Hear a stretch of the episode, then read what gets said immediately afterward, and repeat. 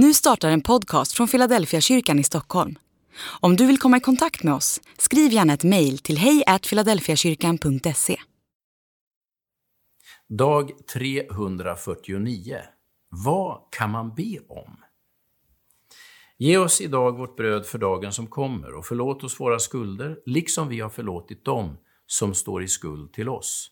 Och utsätt oss inte för prövning, utan rädda oss från det onda. Matteus kapitel 6, vers 11-13. O Lord, won't you buy me a Mercedes-Benz?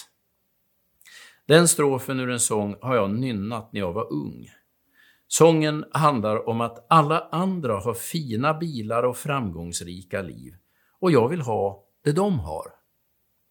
Låt mig säga det direkt, Gud svarar inte på sådana böner. Den som har mycket pengar och bor i ett stort hus ska tacka Gud för det han har fått och grubbla över hur han ska förvalta det. En gång ska vi alla redovisa vårt förvaltarskap inför Gud. Och den som har stora rikedomar har mycket att redovisa. Inget av allt vi har är vårt. Vi är alla låntagare. Den som äger allt är Gud.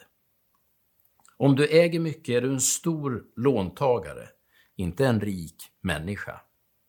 Så läser jag min bibel. Du kan alltid be om det mest självklara. Och det kan du be om först. Du kan be om jobb och om försörjning. Du kan be om en bostad och om mat för dagen. Men du kan inte be om 16 rum och kök och du kan inte be om en miljon i årslön.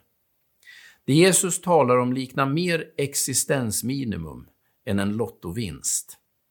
Jesus-tron är inget lyckohjul som ger dig obegränsad tillgång till kapital. Det är en tro att Gud förser med mat för dagen.